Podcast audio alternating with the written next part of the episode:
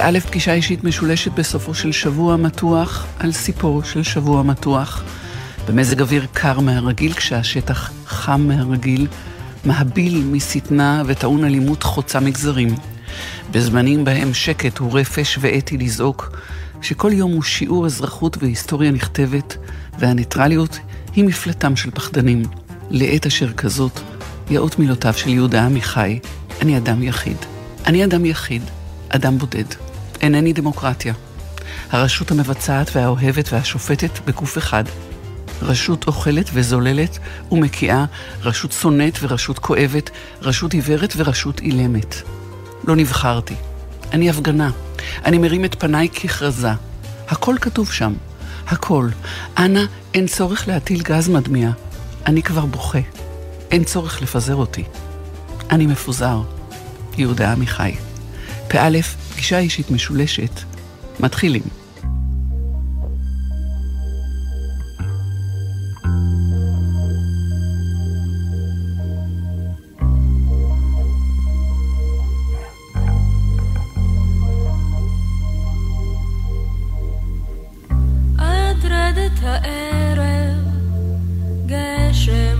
לנשים בחלום, עד רדת החושך. גשם, הקשב לנשים הצופות בווילון. גם לנו אדמה שמחכה למשהו מלמעלה, גם בנו יש אימה וזעקה למשהו פורח וכן הלאה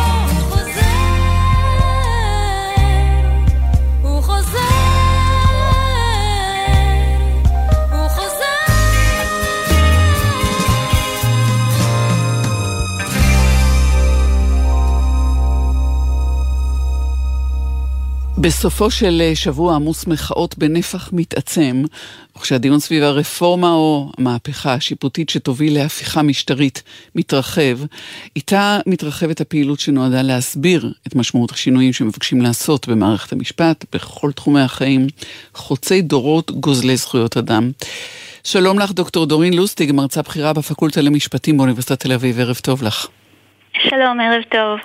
ארגוני סביבה ובריאות מתריעים כבר מזה שבועות, מאז החל הדיון הזה, בפני שר המשפטים וגם יושב ראש ועדת חוקה, על אודות הסכנה לבריאות הציבור, הטבע והסביבה בישראל מהשינויים המשפטיים החוקתיים האלה.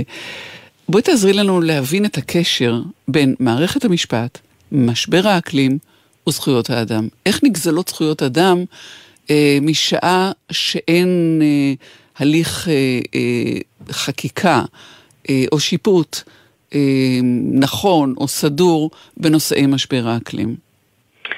אוקיי, okay, אז בעצם סוגיות סביבתיות או נזקים סביבתיים, uh, נושא שנוגע לציבור הרחב, והאוכלוסיות שבדרך כלל נפגעות במיוחד, מ, אה, או ייפגעו במיוחד ממשבר האקלים, הם האוכלוסיות החלשות יותר.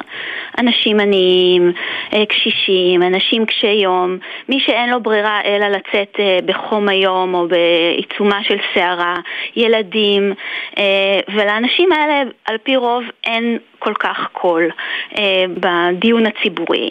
יותר מזה, גם השאלה של הגנה על הסביבה היא שאלה שנוגעת בעצם לציבור בכללותו, אבל אה, במשטרים דמוקרטיים יש לנו קושי מאוד גדול להגן, באופן שנראה אולי תמוה, אבל להגן על האינטרסים של הציבור המבוזר, הציבור בכללותו. וכל זאת למה? בגלל שבעצם במיוחד נניח בסוגיות סביבתיות, קבוצות מאוד חזקות, קבוצות אינטרס, אה, המפעלים המזהמים, תעשיות מזהמות, בדרך כלל יש להן הרבה יותר כוח השפעה על מקבלי ההחלטות מאשר לאדם הקטן, mm-hmm. לאזרח mm-hmm. הקטן. Mm-hmm. זה עניין אחד. וגם אנחנו בדרך כלל בפוליטיקה, כמו בפוליטיקה, מתייחסים לטווח הקצר. נבחרי ציבור בדרך כלל רוצים לייצר מדיניות שהם יוכלו לשאת את, להראות לראות את הפירות שלה בטווח הקצר כדי שהיא תסייע להם להיבחר בסייקל הבא, שאצלנו הסייקלים הם מאוד קרובים. מדיניות אקלימית היא מחייבת בעצם השקעה לטווח הארוך. חייבת להיעשות המון היום, אבל הפירות של המהלכים האלה, אה, אנחנו נראה אותם רק בעתיד הקרוב והרחוק והרחוק יותר. הרשות המחוקקת בישראל היא מאוד לא עצמאית והיא בעצם נשלטת על ידי הממשלה, אז יש לה מאוד, יכולת מאוד מוגבלת לפקח על, הממשלה, וגם אה, רשות שיפוטית עצמאית. בוא נניח שלמשל מדינת ישראל או הממשלה לא מקדמת מדיניות שמגינה על הסביבה, לא עושה די. וכפי שאמרתי, הנפגעים העיקריים מזה יהיו הציבור בכללותו ובעיקר הכי, האוכלוסיות הכי חלשות. אז מה אז? מי בעצם יגן על אותם אנשים שלמשל הטמפרטורות המאמירות אה, בקיץ יקשו עליהם מאוד אה, לקיים את החיים? אנשים קשישים, אנשים עניים, שסובלים במה שאנחנו קוראים בספרות עוני אנרגטי. ש... או אנחנו רואים את זה עכשיו באירופה עם החשש מהקור. Mm-hmm. כלומר, אה, משבר האקלים, גם אי היציבות שכרוכה בו.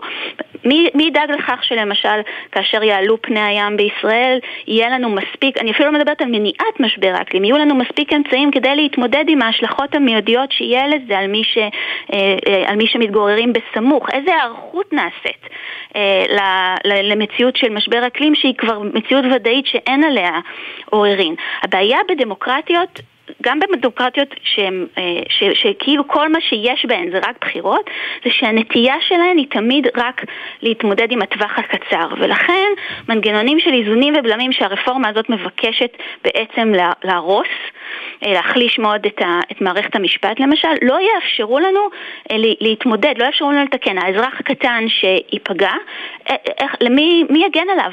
לא יהיה בית משפט עצמאי, כי בית המשפט יישלט בעצם על ידי אה, הממשלה, ש... וימולא באנשים שהם עושי הן שלה, ומי שגם עד היום אה, מונה יבין שהוא לא יוכל להתקדם אם הוא לא יתיישר לפי הקו של הקואליציה. זאת אומרת, זה לגמרי בית משפט שבוי, בית משפט תלוי, זה לא בית משפט עצמאי. במצב דברים כזה, הזכויות של האנשים, האינטרסים שלהם לגמרי מופקרים. אין מי שיגן עליהם. השבוע ביום חמישי חל יום אמנת אה, קיוטו.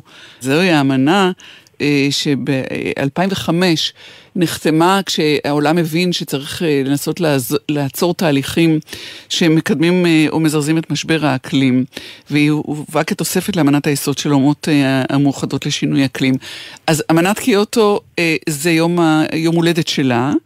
אבל אה, היא למעשה רק המבוא להסכם פריז, שהוא אמור היה אה, להיות יותר מחייב. ויותר מדינות חתמו עליו, יש שם אה, עניינים שנוגעים למעלה וחצי או שתיים בניסיון אה, להאיט את אה, התחממות, ההתחממות הגלובלית. כמעט כל מדינות העולם חברות בהסכם פריז. בעצם משהו מחוץ מאיזה שתיים, שלוש, בעצם מה שהוא מבקש מהמדינות זה בעצם תתחייבו בכל, בסייקלים של כל חמש שנים, אה, תציבו את האופן שבו אתן מתכוונות לעמוד ביעדים האקלימיים, שזה באמת להפחית את אה, פליטת גזי החממה ב-50% עד 2030 ולמעשה לגמרי עד 2050, כדי שבעצם אה, לא נעבור את הסף של המעלה וחצי בהשוואה לתקופה הפרה-תעשייתית. טוב, את סף המעלה וחצי כנראה זה כבר mm-hmm. יעד שאנחנו לא נצליח אה, אה, לעמוד בו, אה, ואולי אפילו לא את השתי מעלות, אבל עדיין מדינות רבות ברחבי העולם דווקא כן אה, עשו מהלך של אה, חקיקה אקלימית. למעשה יש לנו היום 1,800 חוקי אקלים בעולם, וגם בחוקות של מרבית מדינות העולם יש היום אה, סעיפים שבעצם מעגנים את ההגנה אה, אה, מפני אה, התחממות גלובלית והתמודדות עם משבר האקלים ולמען הדורות הבאים בחוקות שלהם. אה, במובן הזה ישראל היא מאוד חריגה. אנחנו מדברים על מצב שעד שנת 2000 היו 40 מדינות כאלה, אחר כך זה צפח ל-80 חוקות, והיום אנחנו מדברים במצב ש-150 מדינות בעולם, יש בחוקה שלהם אלמנט של הגנה על הסביבה. מה שהחברה האזרחית בחסות הסכם פריז עשתה במקומות כמו גרמניה, במקומות כמו ניו זילנד, אירלנד, הולנד וגם במדינות הדרום הגלובלי, זה שבעצם אה, אה, היא אפשרה לחברה האזרחית לבוא ולומר לממשלה בבתי המשפט שימו לב, חקיקת האקלים שלכם היא לא אגרסיבית מספיק, היא לא הולכת מספיק רחוק, ומכיוון שהיא לא מספיק אה, אמביציוזית ועושה די כדי להגן עלינו, היא למעשה מפרה את הזכות שלנו לחיים, היום ובעתיד, את הזכות שלנו לבריאות ואת הזכות שלנו לסביבה. אז אנחנו רואים את המשחק הזה בין חוקה נוקשה שאין לנו בישראל, בתי משפט עצמאיים שמבקשים עכשיו אה, לחבל לנו בהם אה, בישראל, וחברה אזרחית שגם היא סופגת ותספוג פגיעה מאוד קשה בחסות הרפורמה המשטרית הזאת. כל המערך הזה בעצם נשען על הסכם פריז, אבל רק כסוג של מהלך שאומר, תראו, בהסכם פריז התחייבתם, זאת אומרת, הודיתם שאם לא תעשו את המהלכים האלה, זכויות אה, אדם ייפגעו באופן אה, דרסטי, הזכויות הללו מעוגנות ומוגנות בחוקה, ולכן עכשיו אנחנו פונים לבתי המשפט כדי שיכריחו אתכם אה, לתקן את החקיקה באופן שתתאים לאינטרסים שלנו האזרחים, לזכויות שלנו, ותגן עלינו מפני העתיד לבוא. כל המהלך הזה שאנחנו רואים אותו קורה בהמון מדינות בעולם, אנחנו מדברים על אלפי תיקים שקורים גם בארצות הברית, כל המהלך הזה, בעצם ישראל תישאר מופקרת ממנו, היא לא תוכל לעשות אותו. אפילו חקיקת אקלים אנחנו מתקשים להעביר ב, אה, בישראל היום.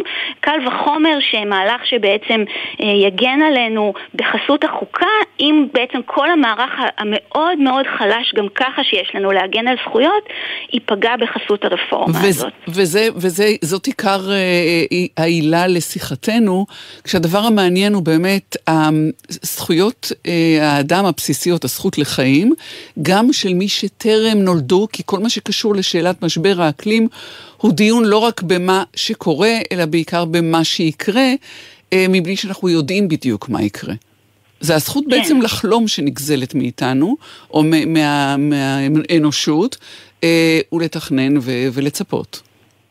נכון, בעצם בחוק יסוד כבוד האדם הישראלי, ששם במוקד שלו את רעיון כבוד האדם, שזה הרעיון של, שכל אדם באשר הוא אדם, אנחנו מתייחסים אליו בכבוד, הדרת כבוד.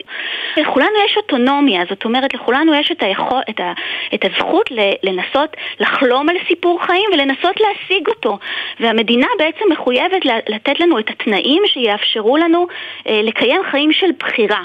והמשמעות של משבר האקלים זה, וחיים בחסות משבר האקלים, זו בעצם עננה מאוד קשה על האפשרות הזאת לחלום, והעננה הזאת בעיקר שורה על הילדים אה, שלנו, על הצעירים, ולכן הם גם אלה שמובילים את אה, משבר האקלים, אבל דווקא חוק יסוד כבוד האדם הישראלי, אה, הוא נותן, בעצם יש בליבה שלו את הרעיון הזה, כן, לילדים האלה, וגם לנו כמבוגרים, mm-hmm. יש את הזכות לחלום, ושייתנו לנו אפשרויות בעולם שבו יש קטסטרופה אקלימית או משבר אקלימי, האפשרויות מצטמצמות מאוד, והאופק הוא אופק קודר, לא אופק של עתיד טוב יותר.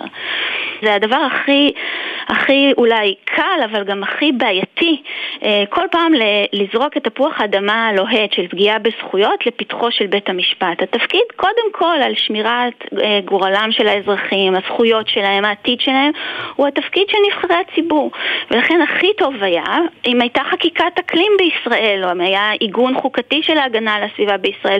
ואנחנו רואים שהממשלה הקודמת וגם הנוכחית בהסכמים על הקואליציוניים, יש כוונות כאלה לחוקק חקיקת אקלים. אנחנו גם רואים אה, את הרשויות הרגולטוריות השונות, את משרדי הממשלה השונים, מנסים לעשות דברים בכיוון הזה, לא די, אבל יש, יש בהחלט התעוררות כלשהי. לצד ההתעוררות במוסדות אנחנו בהחלט רואים התעוררות מאוד אה, משמחת ברחובות, אה, ואת האנשים הצעירים, הסטודנטים שלנו, שלצערי הרבה פעמים אה, חשבנו אותם לרדומים, אה, מגלים אה, את עצמם, מגלים את התודעה האזרחית שלהם, ויכול להיות שבחסות הדברים הרחבים יותר שקורים בישראל תהיה גם התעוררות אה, להתמודד בצורה יותר אפקטיבית עם המשבר האקלימי שצפוי אה, לפקוד אותנו, וכבר פוקד אותנו במובנים רבים. אמן. דוקטור דורין לוסטיג, מרצה בכירה בפקולטה למשפטים באוניברסיטת תל אביב, תודה שדיברת איתנו, שבוע טוב לך, שלום. תודה, תודה טלי, שבוע טוב, להתראות.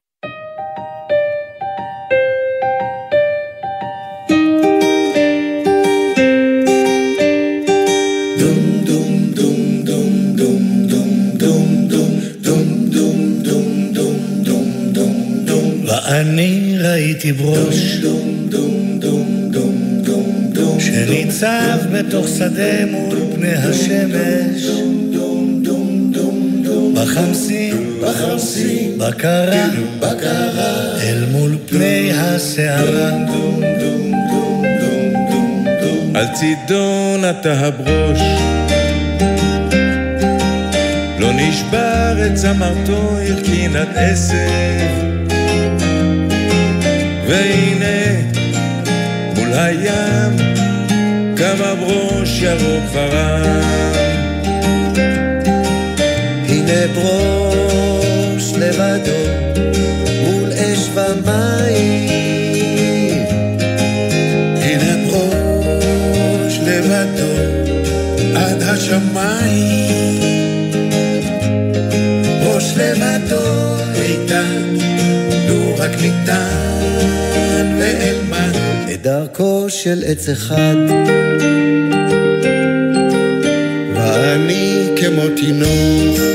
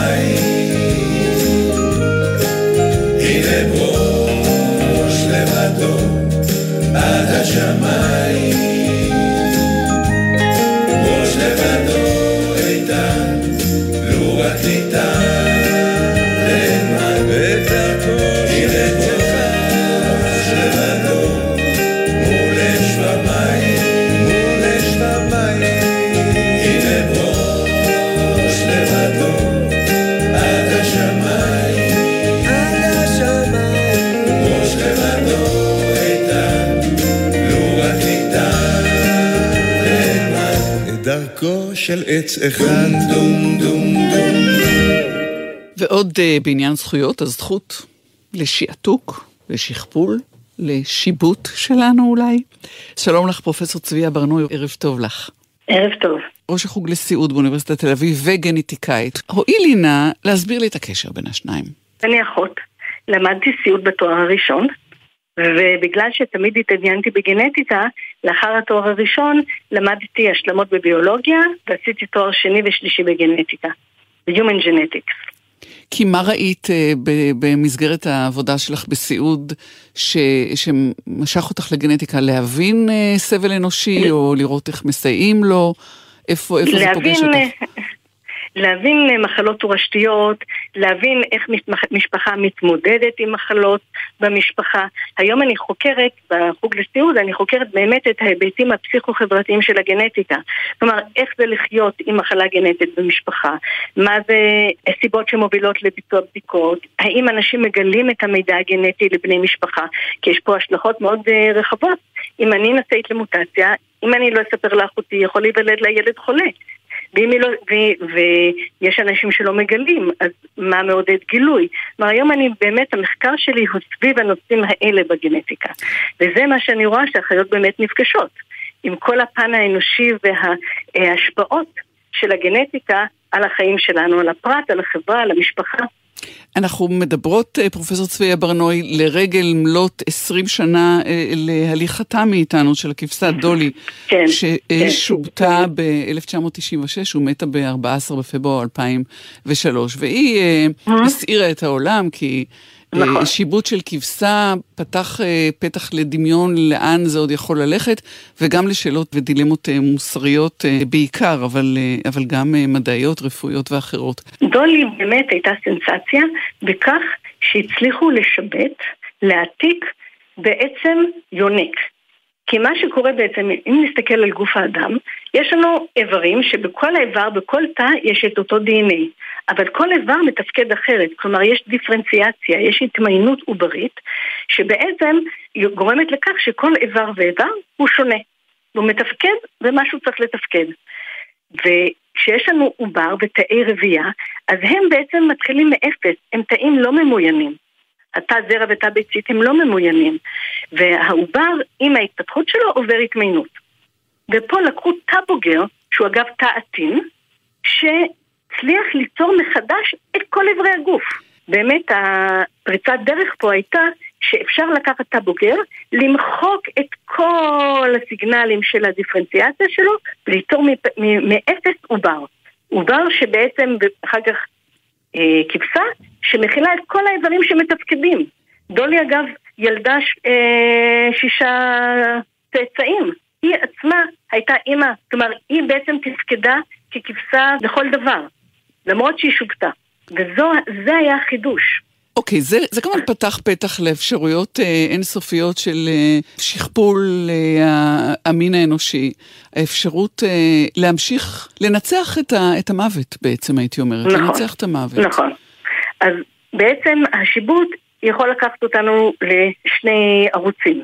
אחד זה שיבוט, שיבוט תרפויטי, שזה אומר ניצור שיבוט, כלומר ניקח תא בוגר נניח מאדם שזקוק להשתלת איבר, נעשה לו שיבוט בביצית, ניקח את התא הזה, את ה-DNA של התא הזה נכניס לביצית, שרוקנו אותה קודם מה-DNA שלה, ונייצר מזה, נפתח אותו ונגדל ממנו איברים או רקמות להשתלה. זה כיוון אחד. ולכאן בעצם המדע בעצם רצה למשוך, משום שיש פה אפשרות להתגבר על המחתור באיברים מצד אחד, ומצד שני, האיבר יהיה מותאם במאה אחוז לאדם שצריך את ההשתלה, כי אין פה עניין של משהו זר בהשתלה, אין פה עניין של דיכוי, של בעיה חיסונית, של דחייה של השתל, כי זה ממש ממנו עצמו. כן, שזה יופי. ו... זה, עם זה יופי. אין שאלה אה, אה, אני מניחה, אתית. אה. לא, לא. השאלה האתית היחידה זה בעצם שצריך ביצית, ומי יהיו תרומות הביציות. וזאת כבר בעיה הרבה... גדולה. בדיוק, וגם אני, אני מניחה, בוא נגיד שלייצר את דולי היה צריך 277 ביציות בשביל להגיע לכמה עוברים שמשם אה, נולדה דולי אחת. אז מאז זה קצת קצת השתפר, אבל עדיין צריך הרבה הרבה ביציות, ואני תוהה מי יהיו האנשים שיתרמו ביצית לצורך העניין. ואני לא בטוחה שלא יהיה פה ניצול נשים. וזו הבעיה האתית שעולה, אבל אני מוכרחה לציין שמאז מצאו שיטות אה, שלא דורשות אה, שיבוט כדי להפוך תאים לתאי אב שיכולים ליצור את כל האיברים. ואז בעצם זה מייתר את הטכניקה של השיבוט כדי ליצור איברים שונים, כי אפשר להחזיר מספר גנים לתאים וליצור מהם תאי גזע שיכולים להתמיין אחר כך לכל דבר. וגם אל אה, עוד רגע של דילמה שאנחנו קושרים בחוט מאז דולי ועד ימינו אלה, ואי האפשרות אה, של אנשים שמאבדים אה, ילד או ילדה, כן. לנסות אה, באמצעים האלה, לחלום על אפשרות של אותו, אותו אחד בדיוק, אבל נכון. חדש. נכון, וזה באמת מה שעלה ברגע שהצליחו לייצר את דולי, בעצם ברגע שדולי נולדה, אז התחילו בעצם במחשבות מתי ואיך לא, ואיך, איך, מתי ירצו לשבט בני אדם. ואז אמרו שבעצם כאשר רוצים לשבט, להעתיק ילד שנפטר, אז ההורה רוצה בדיוק את אותו דבר, ואז עולות בעצם הסוגיות של אה, קודם כל הוא לא יהיה זה במאה אחוז משום שיש לנו השפעה סביבתית קצת על ביטוי הגנים וגם האם אין לנו פה אוטונומיה ולכל אדם הוא ייחודי ולמה mm-hmm. צריך בדיוק אותו, mm-hmm. אותו ילד אז אה, עולות השאלות האלה מה גם, מה גם שהטכנולוגיה הזאת או הטכניקה הזאת יכולה להיות אה, בשימוש אה, ניסיון להשביח גזע, שזה נכון. דבר אה, מצמרר כשלעצמו. נכון, כי יכולים לחשוב שאנחנו רוצים בעצם לשבט את האנשים שמבחינתנו הם עכשיו האידיאל, כמו אידיאל יופי, אידיאל חוכמה, כלומר אפשר להגיד שאנחנו רוצים אה, ליצור יותר אנשים מסוג זה, וזה קצת מזכיר לנו את אה, אה, גרמניה הנאצית, שהם עשו את ההשבחה הגנטית בצורה אחרת על ידי השמדת אנשים לא רצויים. כן, לא רק הם. אה, כן. אה, אז, אז זו שורה שלמה של, של אה, שאלות ודילמות אה, שעולות. עד כמה החוק, ואנחנו עוסקים ככה במשדר היום בעניינים משפטיים גם, עד כן. כמה החוק יודע להתייחס לזה, עד כמה החוק הישראלי מעודכן, ובכלל מודע לצורך לתת מענה. אז החוק הישראלי בהחלט מודע. החוק הישראלי אה, היה הראשון בעצם שעצר את ההתערבות בתאי אה, רבייה ושיבוט לצורך רבייה.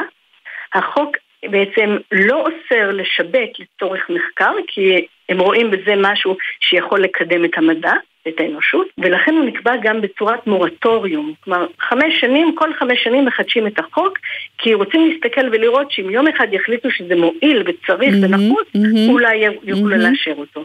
אבל בהחלט יש ועדת אתיקה עליונה ויועצים ויושבים באמת בכובד ראש ושוקלים את המצב. בינתיים יש איסור מוחלט לעשות התערבות בתאי נבט ושיבוט בישראל. שזה אה, לא מותנה ביועצים משפטיים מטעם, או בכל אה, אחד מהחלקי לא. לא, מה, הניסיונות אה, לשנות את, אה, את, אה, את מערכת נכון, המשפט. נכון. אני מבקשת נכון. לחזור איתך, פרופסור צביה ברנוי, למה שפתחנו בו, והוא המעבר שלך מסיעוד, או התוספת לסיעוד של, של השאלות הגנטיות, עם הדילמות היומיומיות והקטנות של משפחות שנושאות אה, איתן מטען גנטי, אני לא רוצה לומר פגום, אבל, אבל בעייתי או, או עם פוטנציאל נפיץ. איך מתמודדים אם יש... תורה סדורה ותשובה טובה על השאלה האם להגיד או לא להגיד, האם אה, באיזה גיל לומר אה, לבת שאימא שלה או אבא שלה הם אה, נשאים של BRCA אחת או שתיים וכן הלאה. ואלה שאלות שאין להן תשובה חד משמעית. כי כל משפחה תבחר מה שטוב לה. אבל אין ספק שיש להגיד לבת, ברגע שהיא בת עשרים וקצת, כאשר יש מוטציה במשפחה, לבת או לבן. להגיד, גם לבן, אבל אה, בוא נגיד שבת בגיל הזה אה, צריכה להיכנס כבר למעקבים בגיל 25. בן זה רק לדעת שגם הוא יכול לחלות בסרטן, אגב כתוצאה ממוטציה ב-BRCA, אני מדברת על BRCA כרגע, לא על אה, מוטציות אחרות. ובנים גם כן בסכנה לסרטן מ-BRCA, אבל זה פחות עם מעקבים דברים קריטיים כמו לנשים שבאמת אם הן נשאיות בגיל 25 הן צריכות להיכנס למעקבים הרבה מאוד אה, אה, סגורים כדי באמת, אם חלילה יתפתח סרטן, לתפוס את זה בשלבים המוקדמים. אין ספק שמאוד מאוד חשוב אה, לגלות את המידע הגנטי לבני משפחה, כיוון שברגע שיש מוטציה במשפחה, היא חשובה לכולם, כי אנחנו חולקים את אותו מאגר גנטי. אבל... אז אם אני נעשה מוטציה, חשוב שנספר לילדים שלי, לאחים שלי, לבני דודים שלי, להורים שלי, לכולם, כדי שכולם יוכלו להיבדק וכולם יוכלו להיות מודעים אם הם בסיכון לילד חולה ובעצמם לחלות. אבל אה, אה, חשוב, אבל אין, אין, אין חובה. אין חובה, כי החוק אוסר על יועצים גנטיים, חוק מידע גנטי, אה, לגלות מידע גנטי לבני משפחה. המידע הגנטי שייך אך ורק לנועצים. אבל היועצים הגנטיים עושים ככל שביכולתם לשכנע ולהסביר לנועצים שהם צריכים לגלות את המידע למשפחה. הם נותנים להם מכתבים שייתנו לבני המשפחה, הם מבקשים אישור, כי אם הנועץ מאשר, הם יכולים ליצור קשר בני משפחה. הם עושים את הכל, כל מה שביכולתם, כדי שהמידע הגנטי הזה יעבור. כשאנחנו מדברים על אה, דברים שאינם אה, BRCA 1 או 2, אה, אלא כמה מוטציות גנטיות אחרות והרות גורל או אפילו אסון, מהי העמדה לגבי רבייה, לגבי המשכיות, לגבי הקמת משפחה? אז ברגע שיש מוטציה במשפחה, היום יודעים לעשות את הבדיקות, ברגע שאדם שהוא נשא, יודעים לעשות בדיקות לעוברים, או אפילו טרום אה, השרשה, כלומר לעשות הפרעה חוץ גופית ולבדוק את העובר לטרם השרשה, ואז להחזיר חזרה רק עובר בריא שלא נוצא את המוטציה. יש היום אפשרויות לעשות את הבדיקות, ואני אה, לא אוהבת להגיד את המילה הזאת, למנוע הולדת ילד חולה, כי מטרת הייעוץ בעצם היא לעזור למשפחות, מטרת, הגנטיקה יותר נכון, היא לעזור למשפחות להגיע להחלטה הטובה ביותר עבורם. ואז... לא כל משפחה תבחר לעשות הפסקת הריון. אז זהו, זאת, זאת אולי השאלה האתית אה, אה, שמלווה משפחות אה, במצבים כאלה, ואיזה תפקיד יש אה, ל, ל, לאנשי הסיעוד המלווים אותם כדי לעזור להם להתמודד עם, עם השאלות הענקיות האלה.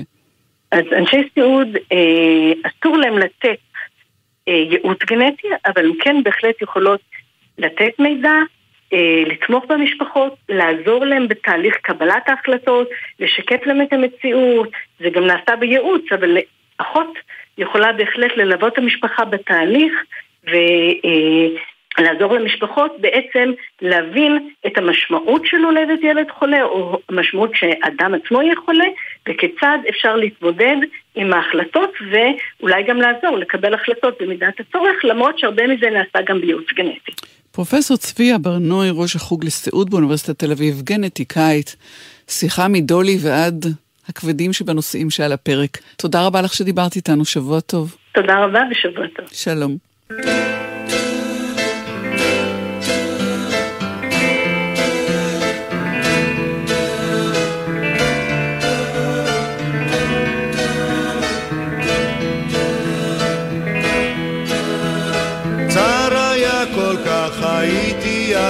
מוכרח לפרוס כנפיים ולעוף.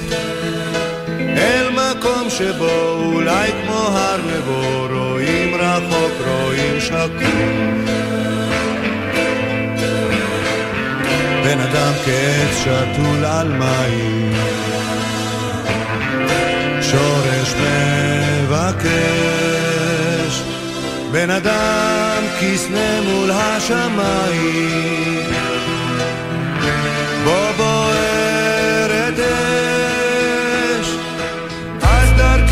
עבדה חיי היו חידה צמא כמו הלך במדבר.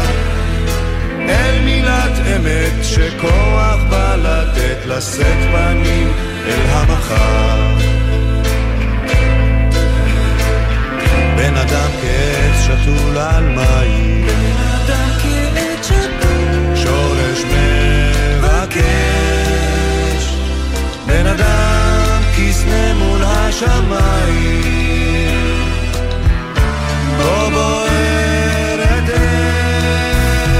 אש אש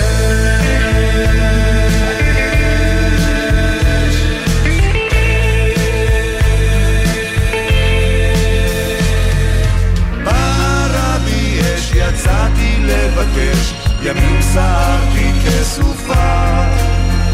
שבתי אל ביתי זו שאת איתי, את בו הדרך אל סופה. בן אדם כעץ שתול על מים, בן אדם כעץ שתול, שורש מבקר.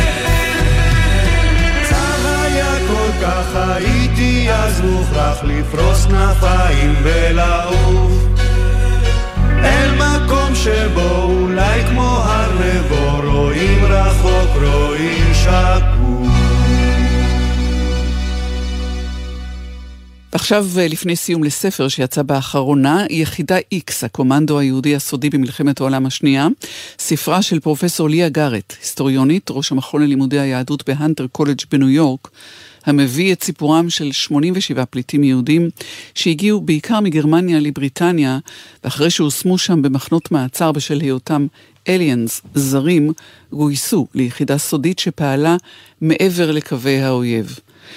שלום לך, סגן אלוף אה, במילואים, דוקטור גיורא קדר, מומחה להיסטוריה של העת החדשה, ערב טוב לך. ערב מצוין. אתה גם אחיינו של אחד מאותם נועזים. האנשים הצעירים האלה, שבאמת עשו את הפעולות הנועזות ביותר, בכוחות בלתי רגילים, אחרי שהם פליטים, אחרי שהם מוחזקים במחנות מעצר, הם חוזרים לאדמת גרמניה כדי אה, אה, לסייע לנצח את המלחמה. הסיפור מתחיל בזה שהם, כפי שאמרת, נעצרו בתור נתיני אויב בבריטניה וישבו במחנות מעצר יחד עם נאצים מוצהרים. והדרך היחידה שלהם לצאת ממחנות המעצר אחרי תקופה די ארוכה של כמעט שנה היה להתנדב לצבא הבריטי. הבריטים uh, היו מוכנים לגייס אותם, אבל אך ורק ליחידות uh, לא לוחמות ושאינן נושאות נשק. אה, יחידות חפרים שעסקו בביצורים, בחפירות וכן הלאה, אבל אה, כשאומה עומדת אה, אל הקיר, אז מוכנה לעשות כל דבר כדי לנסות לנצח במלחמה, ואכן איש מאוד רציני בשם לורד מאונטבטן, שהיה בן דודה של המלכה אליזבת, שכנע את צ'רצ'יל להקים יחידה שדוברת גרמנית כשפת אם, והמועמדים הכמעט יחידים ליחידה הזאת היו יהודים, ואכן אה, מתוך 87 הלוחמים שאכן עברו את מסננת המיון ליחידה הזאת, אה, איך דודי אמר לי פעם, 95 היו יהודים על פי ההלכה ו-5% היו יהודים על פי התיאוריה הנאצית, דהיינו שאימא שלהם היו. כן, שאימא שלהם דווקא לא הייתה יהודית, יהודייה, אבל, אבל הם נחשבו יהודים בשביל הנאצים, ולכן הם גם נמלטו מגרמניה. כן. המשימה שהוטלה עליהם היא לחזור לגרמניה בזהויות אה, אה, בדויות שהם לקחו על עצמם. אה, דודך מנפרד גנץ היה לפרד גריי, כל אחד מהם קיבל שם אחר וסיפור כיסוי הם יצאו אה, למבצעים הכי מסוכנים, צנחו ו, וחדרו לקווי האויב גם כדי לאסוף מודיעין שאפשר את הפלישה לנורמנדי במידה רבה בעזרתם, וגם אה, למשימות אה, של אה, שבירת הרוח של, אה, של הלוחמים הגרמנים. הם אה, אומנו בעיקר לחדירות עמוקות, כפי שאת הזכרת קודם, לחדירות מודיעין, הם אף פעם לא פעלו כיחידה מעולם. הם פעלו בבודדים, בזוגות או בחוליות קטנות, והם uh, פעלו במדים בריטים, או בבגדים אזרחיים כאשר הם uh, עבדו יחד עם הפרטיזנים, למשל ביוגוסלביה, באלבניה, ביוון, והם דיברו גרמנית כשפת אם, הם היו מאוד מאוד מאומנים כחיילים, ו... לפני הפלישה לנורמנדיה הם ביצעו את אה, פעולת איסוף המודיעין, אבל לא רק בנורמנדיה, הם פעלו גם בנחיתות בדייפ, שזה היה בשנת 42 כישלון גדול. החוליה שלהם אה, הונחתה תוך כדי הנחיתה בדייפ להגיע למקום מסוים ששם חשבו שנמצא צופן האניגמה, אחרים הגיעו לזה בצורה אחרת. כל כמעט בכל המשימות המרכזיות של המלחמה, החל בפעולה נגד המים הכבדים בנורבגיה, שזה כמובן אה, היה חלק מהמאמץ הגרמני להגיע לפצצה אטומית, הנושא של ה-V2, בכל הדברים האלו היחידה הזאת הייתה מעורבת. הם לקחו על עצמם זהויות אה, בריטיות, לא יהודיות, אה, עם שמות בדויים. והם אה, חוזרים לאדמת אה, אה, אירופה הכבושה, תחת הנאצים, בסיכון שאם הם ייתפסו אז משפחותיהם, שהם לא יודעים מה, מה שלומם ומה מצבם, שנמצאים שם, בסיכון עצום. הם עושים את כל זה, הם לא נפחדים ולא נבהלים, והם, כשאנחנו רואים הם, זה אומנים, זה מוזיקאים, ציירים וספורטאים למיניהם, הם מוכנים לעשות את המהלך הזה, ואני תוהה אם זה קשור לצורך שלהם בתחושת ערך, בהחזרת כבודם, אחרי שנרמסו גם כפליטים במחנות אה, לזרים אה, עוינים אה, באנגליה, או גם נקמה. אני יכול רק לומר לך מה דודי סיפר לי. קודם כל, נקמה היה דבר מאוד משמעותי עבורם, צריך לזכור שהם הושפלו מאוד כנערים בבתי הספר, בגימנסיות שהם למדו, גם על ידי המורים, גם על ידי דודי סיפר שפשוט בדרך חזרה מבית ספר כמעט כל יום היה צריך אה, מה שנקרא בלשון הצבאית לפתוח ציר, כלומר ערבו להם וניסו להתנכל אליהם וכן הלאה והיה חרם, אסור היה בבית ספר לדבר איתם, כך שהם היו מושפלים מאוד, ואחרי זה הם הושפלו עוד פעם בבריטניה, אבל uh, הנקמה בגרמנים הייתה מאוד מאוד משמעותית אצלהם. הם, uh, הם ניסו לא לחשוב על המשפחות שנשארו, אה, סבא וסבתא שלי אה, נשארו באירופה, התחבאו, ב... ירדו למחתרת בהולנד, אבל מישהו הלשין עליהם והם הגיעו למחנה ריכוז, בגבלזן וכן הלאה.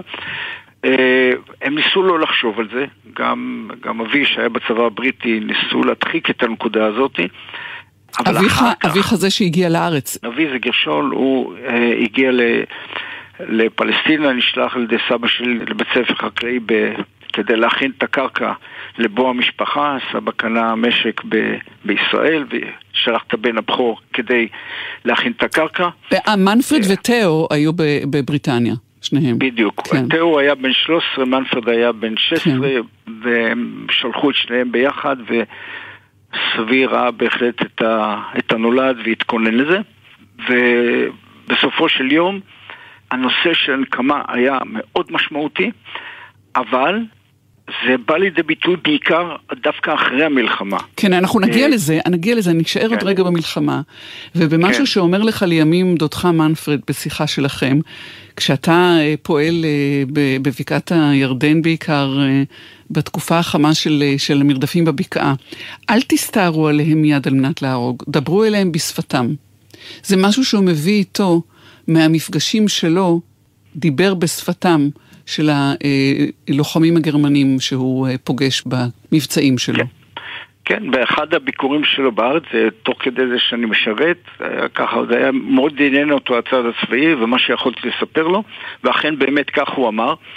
ובלי שום קשר לשיחה הזאת, ולא בגלל השיחה הזאת, אה, החליט מי שהחליט, אלוף הפיקוד או המח"ט, לא להסתער, להפסיק את ההסתערות שגבתה באמת מחיר מאוד מאוד יקר, נהרגו יותר מדי קצינים, מג"ד שלנו והמח"ט שלנו נהרגו, ולכן אה, עברו לשיטה בדיוק כפי שדודי והחברים שלו עשו לאורך כל הקרב הארוך מנורמנדי ועד לתוך גרמניה, אה, להגיע קרוב, לתפוס אה, שבוי, לחטוף שבוי, לתפוס שבוי אה, ולשכנע אותו להיכנס פנימה ואז ליצור דיאלוג עם המפקד בצורה כזאת, בצורה אחרת, לשכנע אותם להיכנע. כך למשל אה, בחור בשם קולין אנסון, שהשם הקודם שלו היה קלאוס אשר, פעל עם הפרטיזנים היוונים והצליח להביא לכך שחיל המצב בקורפו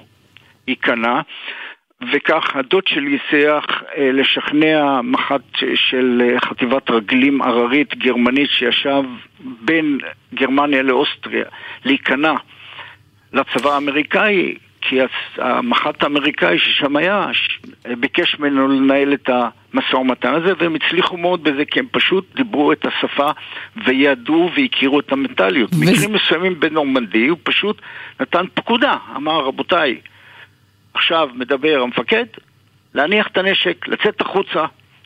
והם עשו את זה, הם ביצעו את זה. וזה היה הרעיון הבסיסי של לורד מאונטפטן כשהוא uh, בא עם הרעיון הזה אל, אל צ'רצ'יל.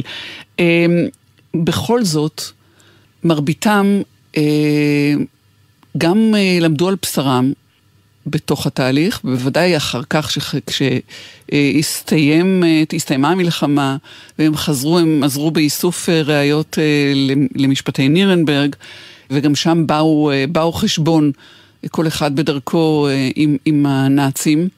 הם חוזרים לבריטניה, הם, איש מהם לא מקבל את, את צלב ויקטוריה, שזה העיטור הגבוה ביותר על גבורתם, ויש עוד סימנים לאנטישמיות בריטית. כן, אה, צריך לזכור, צריך לזכור את הנסיבות ההיסטוריות. אה, בריטניה, מיד אחרי המלחמה, צ'רצ'יל לא נבחר אה, עוד פעם כראש ממשלה ב-1945, למרות הניצחון הגדול, וממשלת בריטניה הופכת להיות לאנטי ציונית קיצונית הרבה יותר מאשר קודם. להזכיר את כל מפעל ההפלה, את סגירת השערים, את איסור ההתיישבות וכן הלאה. ובשלב הזה הבריטים אה, לא מצאו לנכון אה, לפאר ולהלל אה, לוחמים יהודים כי הם חששו מהמחיר הפוליטי שהם יצטרכו לשלם בשביל זה. ולכן הם קברו את כל הסיפור של היחידה. הם גם קברו ו... ליטרלי, הם קברו מילולית את, ה, את הנופלים אה, תחת אה, אה, צלבים, ולא אפשרו אה, מגן דוד על, על קברותיהם של כמה מן ההרוגים ששילמו בחייהם. אה, הם, הם לא, בוא נגיד ככה, הם לא שיתפו פעולה, נקרא לזה, אה, וזה המשיך לאורך כל השנים. אה, ובשלב מסוים אה, די מהר, בשנות ה-40 כנראה אה, העניקו לכל הסיפור של היחידה סיווג מאוד מאוד סודי וקברו את הסיפור הזה ל-50 שנה או ל-60, אני פשוט, הרבה מאוד שנים, עד שלפני שנתיים או משהו כזה הם פתחו חלק מהתיקים ולא את כולם. אבל מה שציינת קודם, הנושא של משפטי נירנברג, אה, העובדה שהדוד שלי אה, הצליח להגיע לסבא וסבתא שלי במחנה הריכוז שבו הם אה, שהו. בטרייזנשטט. בטרייזנשטט אה, הייתי אומר שמסתכלים על כל הסיפור של הפגישה שלהם היא, היא פחות או יותר נס, ובמשפחה סיפור מאוד מאוד מכונן.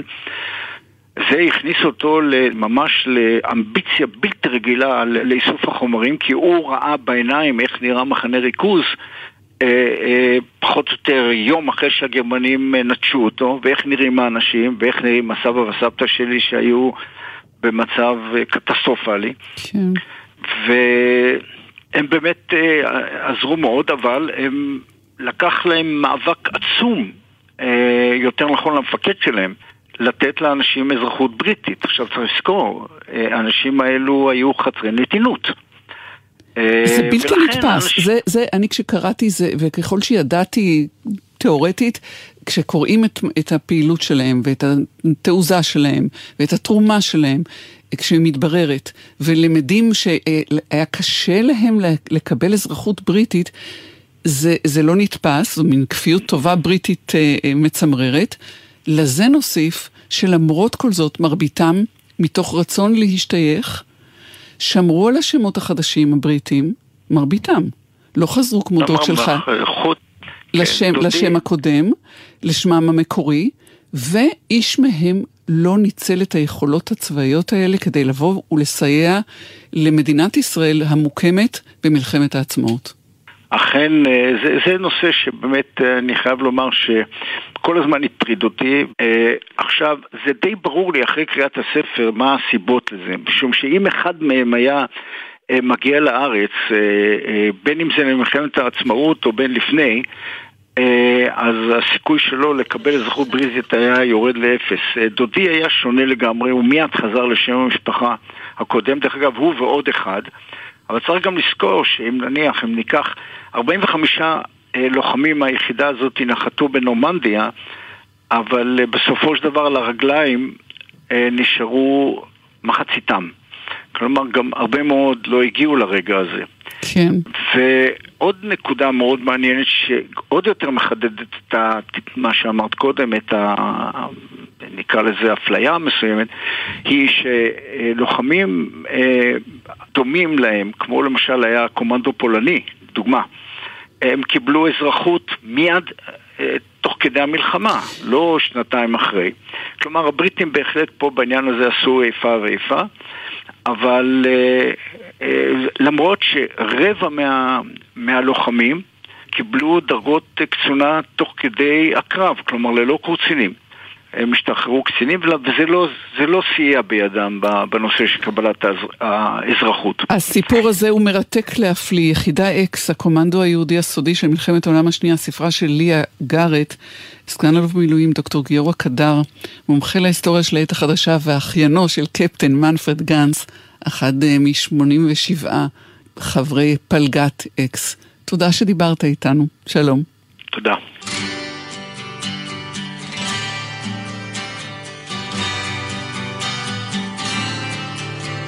יהיה מה שיהיה, אני עוד אשנה, אני אגשים את חלומי.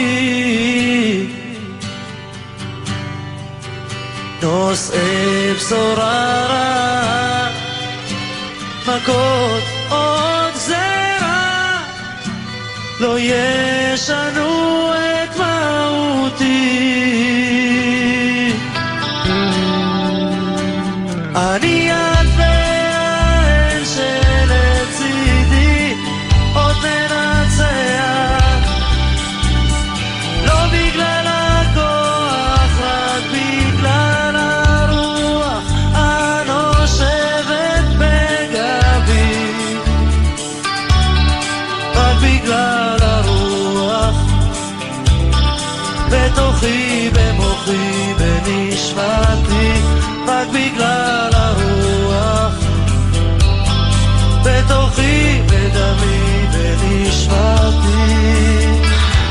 את המשדר הזה ערכו איתי והפיקו עומר נותקביץ' וורדי שפר, על הביצוע הטכני מיכל כהן ואורי אלמוס, אני טלי ליפקין שחק, ערב טוב לכם כולכם, שבוע טוב, היו שלום.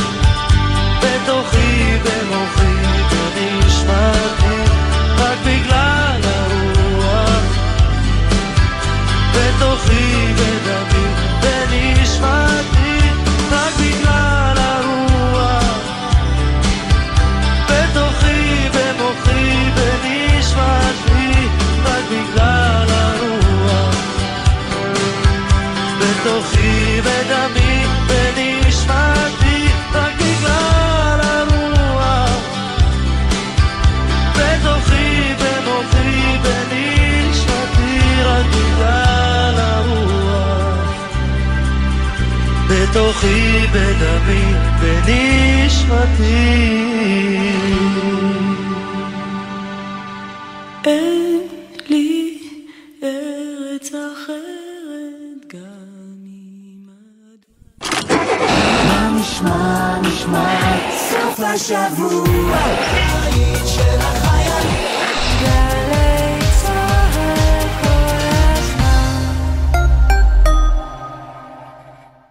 בין תל אביב לאילת יש כ-90 מקומות עצירה לקפה. זאת אומרת, 90 הזדמנויות ללכת להתפנות מבלי להיפגע בטעות בזמן שאתה רץ חזרה לרכב. אז בנסיעה הבאה אל תעצור בשולי הכביש ואל תסכן את חייך. הרלב"ד מחויבים לאנשים שבדרך.